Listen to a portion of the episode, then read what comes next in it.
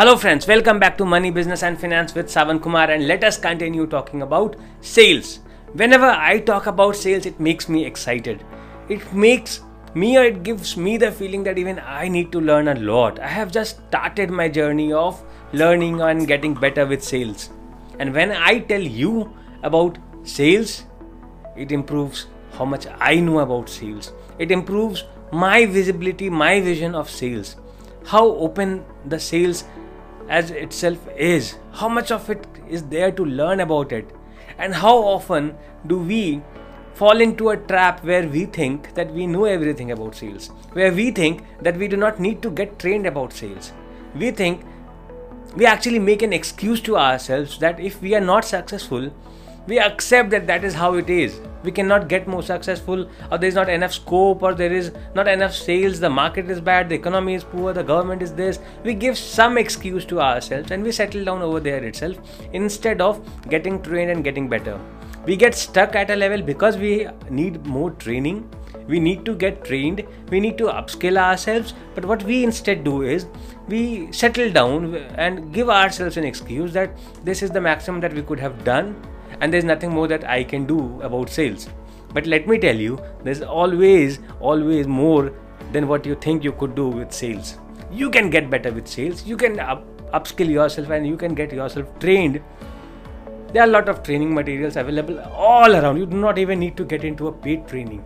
If you are a good salesman and if you're eager to learn about sales, go and find out the study materials available on sales and consume whatever you get do not consume the content that is there on social media and all those videos and stuffs but go and consume sales related content. Anything that you read good or bad not very good not very bad whatever is there on sales go and consume it process it. Your mind will automatically filter out the good ones and the bad ones but consume as much as you can about sales. And today let us talk about positivity and attitude these are the two most important things that a salesman should carry with himself. Nothing else is required. If you're not in a suit, that's fine. You do not carry a writing pad, you do not carry a mobile phone, you do not carry your laptop, do not carry anything with yourself. But you cannot miss on these two things that is, attitude, positive attitude, and you stay positive. So, it is basically a positive attitude. You are highly positive and you have a great attitude. These are the two things that you cannot miss before you go to the client to see him, meet him, and propose him for a sales. No matter how good your presentation is, no, your presentation won't be good actually if you do not carry a great attitude and you are highly positive. But no matter how good your, you know, um, those powerpoints are and those some files and some paperworks are, if you do not carry a great attitude with yourself if you do not carry a great a good amount of positivity with yourself you can never be a successful salesman. Because when you as a salesman go and prospect go to a prospect you are looking for these things from him. You are looking to get positivity from him. You are looking to have a great attitude from him. But when you expect this from him you would only get that when you show them a great attitude and some a lot of positivity. Only when you show them that you are highly positive, only when you show them that you have a great attitude, will they sh- they will be showing you that they too are highly positive and they too have a great attitude. They will wait for you.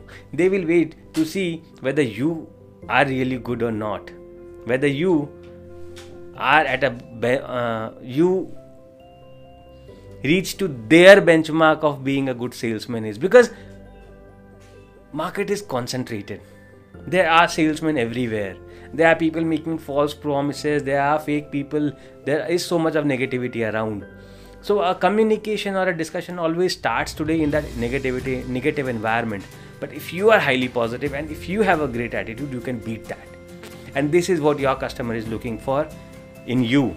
If you carry yourself with a great attitude and high positivity you will see that he has changed your customer changes your customer also becomes positive your customer also become also has starts having a great attitude you will see the difference just after a few minutes of conversation just after a few minutes of being highly positive and communicating with him in a very good attitude you will see that you are getting bit back from him as well But how do we be negative? How do we be positive? How do we have that great attitude? We fail to have great attitude or be always positive at times. There are two things to have a great attitude. Number one is you have to be surrounded with good people. Always. It's, I'm not talking about customers, but when you are not in front of customers, who are you around with? Your colleagues, maybe, or other people. You have to make sure that you are around good people you are around you surround yourself with good and successful people because those people will always have huge basically they will always be high with positivity and they'll always be having a great attitude. So always make sure that you are surrounded with good and positive people. Do not come in contact with negative people because the moment you get in touch with a negative person it is highly contagious.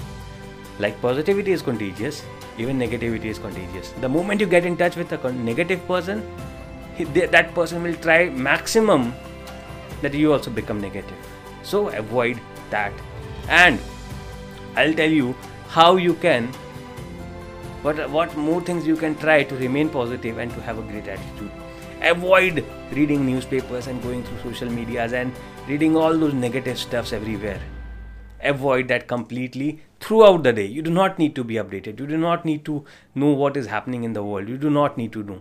Except what is happening precisely in your industry, you do not need to know anything else. Everything else is a piece of dump for you. Not useless, completely useless. Avoid doing that for the entire day. Avoid negative people around you. As i said previously completely avoid having negative people around you. And if you are into alcohol or drugs or smoking avoid that. It makes you negative. It makes your attitude bad towards your life. It means that you do not love yourself. And when you do not love yourself you cannot love your clients. You cannot love your customer. You cannot love anybody. So try avoiding drugs and alcohol if you're used to of any of those things. Do not think negative. Give your mind a complete keep your mind away from any kind of negative thoughts. Keep your mind uh, yourself away from all the types of negative talks. No matter how much you want to get into that negative discussion that is happening in that group among your colleagues keep yourself away from that keep yourself far far far away isolated insulated from all the negative talks happening around you. Because the moment you become a part of it you will become negative. And when you go to the customer with that negativity you will make him negative too. And negativity negativity negativity neg- negativity all around you can never make a sales. So figure out what is the best way for yourself to remain positive and to have a great attitude before you get in touch with the customer. And you cannot only be positive and have a great attitude when in front you are in front of the customer. You have to have it throughout the day. You have to have it throughout the week or the month or the year. You have to be always be positive and have a great attitude. You have to be the person who reflects positivity. You have to have, be the person who reflects great attitude. So be the person and be the change and be a successful salesperson. Have a good day